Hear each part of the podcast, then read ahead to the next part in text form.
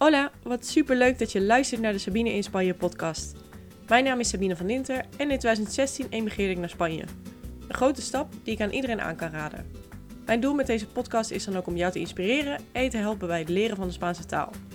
Ik deel mijn ervaringen met je over het leven in het buitenland en alles wat daarbij komt kijken. Vamos! Yes, het is weer vrijdag en dat betekent dat er weer tijd is voor chaotisch geklets. Dus super leuk dat je weer luistert. Um, over chaotisch gesproken, ik uh, heb een aardig chaotische planning uh, vandaag. Want um, ik vlieg morgen weer naar Nederland toe. En dat betekent dat ik um, ja, mijn podcast van tevoren allemaal op moet nemen. Want ik heb in Nederland geen microfoon staan. Dus het is wel handig dat ik alles van tevoren al klaar heb staan voor de komende week. En langer trouwens ook, want daarna komt een vriendinnetje op bezoek. En ja, dan wil ik ook niet de hele tijd aan het werk zijn. Dus ik probeer nu nog even zes afleveringen op te nemen voordat ik wegga. Wat betekent dat ik, ja, het is nu half zeven s'avonds. Ik vlieg morgen vroeg, dus weer lekker op tijd. Maar goed, we gaan ervoor. En um, vandaag wilde ik het met je hebben over het vinden van je passie. Want dat is een thema wat voor mij best wel belangrijk is geweest en waar ik het ook wel lastig mee heb gehad. Want ja, ik, voor mij was dat best wel een ding, het vinden van mijn passie.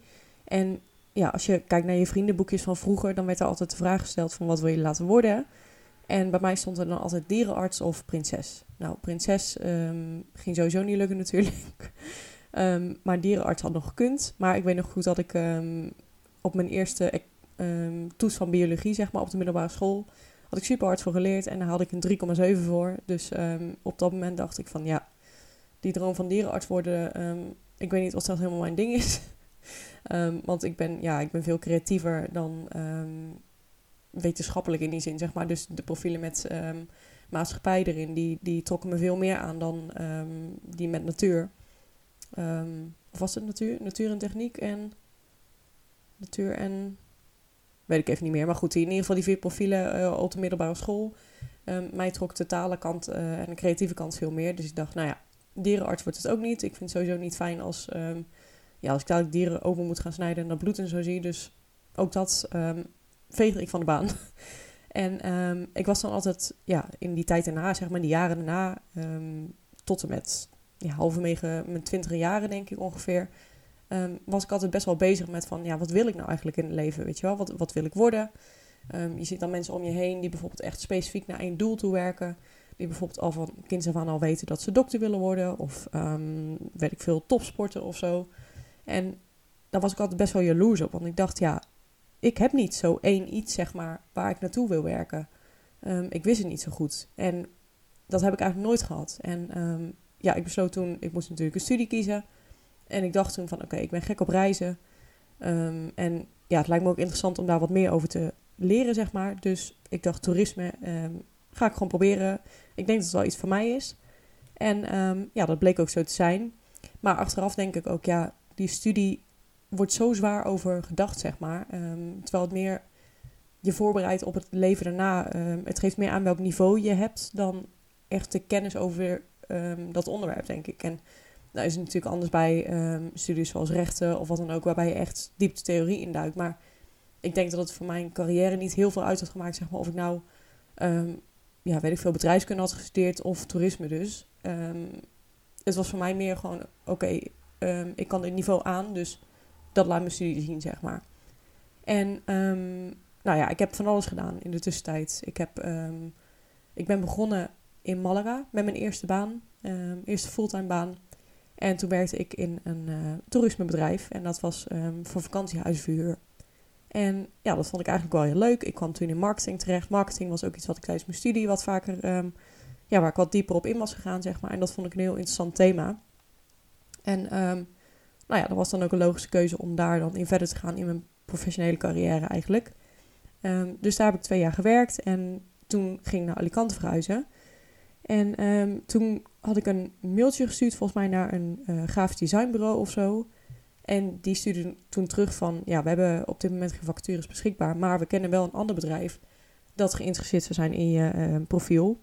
Dus mogen wij jouw nummer doorgeven? Dus toen zei ik, nou ja, is goed. Ik had geen idee welk bedrijf dat zou zijn. En dat bleek dus een vruchtbaarheidskliniek te zijn. Nou, toen dacht ik echt, wat is dit nou voor random iets?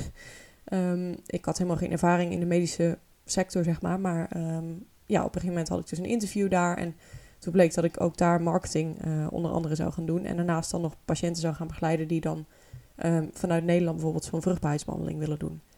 En ehm, ik dacht toen van, ja, oké, nou, we gaan het maar gewoon proberen. Maar dat bleek toch niet echt mijn ding te zijn. Maar ehm, ja, ik kijk daar niet vervelend op terug of zo. Want het heeft me wel heel erg geholpen bij het uitzoeken wat ik dan wel leuk vind. Er zaten heel veel aspecten aan die baan die ik niet leuk vond. Ehm, maar ook dingen die ik wel leuker vond. Dus ehm, ik denk dat het vinden van een passie is ook niet, niet iets zeg maar, wat vaststaat. Ik dacht dat vroeger altijd van... Dat zit in je en jij moet je best gaan doen om het eruit te halen, zeg maar. Om die, ja, dat antwoord te kunnen krijgen van wat is mijn passie nou eigenlijk. Maar um, ik denk dat je juist erachter komt alleen maar door dingen te gaan proberen. En dat is dus ook mijn advies als je zelf het lastig vindt om uit te zoeken ja, wat nou eigenlijk je passie is of waar je mee verder wil in het leven. Probeer dingen uit. En um, dan kom je stapje bij stapje dichter bij het vinden van je passie.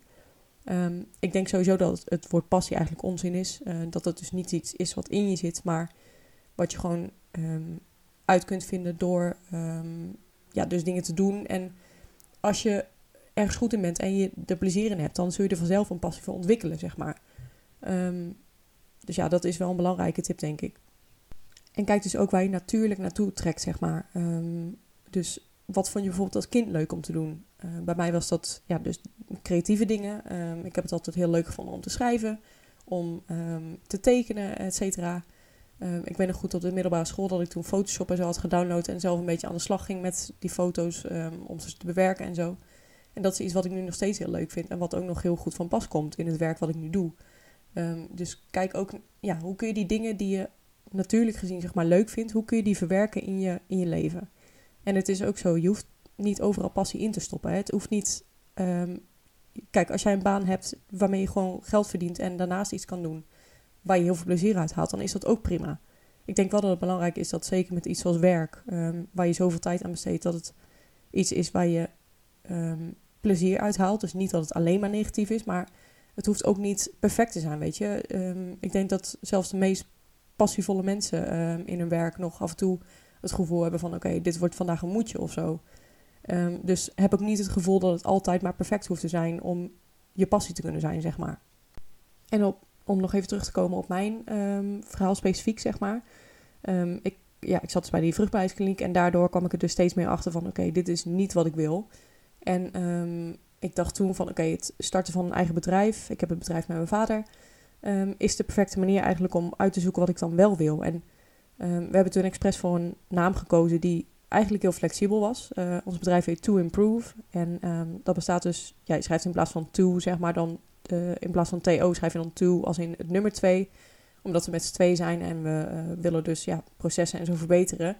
Maar dat is dus super breed toepasselijk eigenlijk. Want ik ben toen begonnen. Ja, we hadden eerst een gezamenlijk idee, zeg maar, maar dat kon niet um, ja, door uh, de pandemie, zeg maar. Um, en toen besloten we van oké, dan gaan we gewoon allebei onze eigen dingen even doen. En dan wie weet in de toekomst ja, zoeken we weer samen een project, zeg maar. En ik ben toen dus begonnen als online marketing uh, consultant, waarbij ik dus ja, advertenties runde voor bepaalde bedrijven, zeg maar. En ook daarin kwam ik erachter van oké, dit is niet helemaal mijn ding. En ik kwam toen bij coaching terecht. Nou, dat heb ik ook een hele tijd geprobeerd, maar ook dat mm, ja, was niet helemaal. Ik denk dat, um, dat ik te vroeg in het proces, zeg maar, coach zou worden. Um, dus ja, dat bleek ook niet helemaal mijn ding te zijn. En toen kwam ik bij schrijven terecht. En dat is iets waar ik op dit moment super veel plezier uit haal. Um, en onder andere dus het ontwikkelen van die academie. Ik vind leren uh, iets ja, iemand anders iets leren vind ik ook hartstikke leuk om te doen. Dat heb ik altijd leuk gevonden. Dus um, wat ik daarmee wil zeggen is, dus ga ook gewoon kijken wat je vroeger leuk vond. Um, waar haal je plezier uit, ook op dit moment. En hoe kun je die dingen um, verwerken. Maar wat ik dus ook al eerder zei, je moet wel dingen proberen om erachter te kunnen uh, komen wat je wel en niet wil, zeg maar. Als ik niet die dingen had gedaan die ik niet leuk bleek te vinden, zeg maar, dan was ik er ook nooit achter gekomen van, oké, wat vind ik dan wel leuk? dus ja, probeer gewoon zoveel mogelijk dingen uit en je komt er zelf achter waar je plezier uit haalt, waar je energie uit haalt. En um, probeer daar gewoon op verder te gaan. Nou, dat waren mijn tips om um, ja, wat beter uit te zoeken zeg maar, wat je passie is. Um, verder heb ik niet heel veel te melden vandaag. Ik ben dus druk bezig met ja, het, voorbereiden van mijn reis weer naar Nederland. ook al is het deze keer voor maar, uh, maar voor een paar dagen, maar toch blijft altijd wel. Uh, ja, ik wil het gewoon goed voorbereiden, zeg maar altijd. Dus Ehm, ik ga snel verder met de volgende podcast, denk ik. en ehm, ik spreek je snel weer. Doei!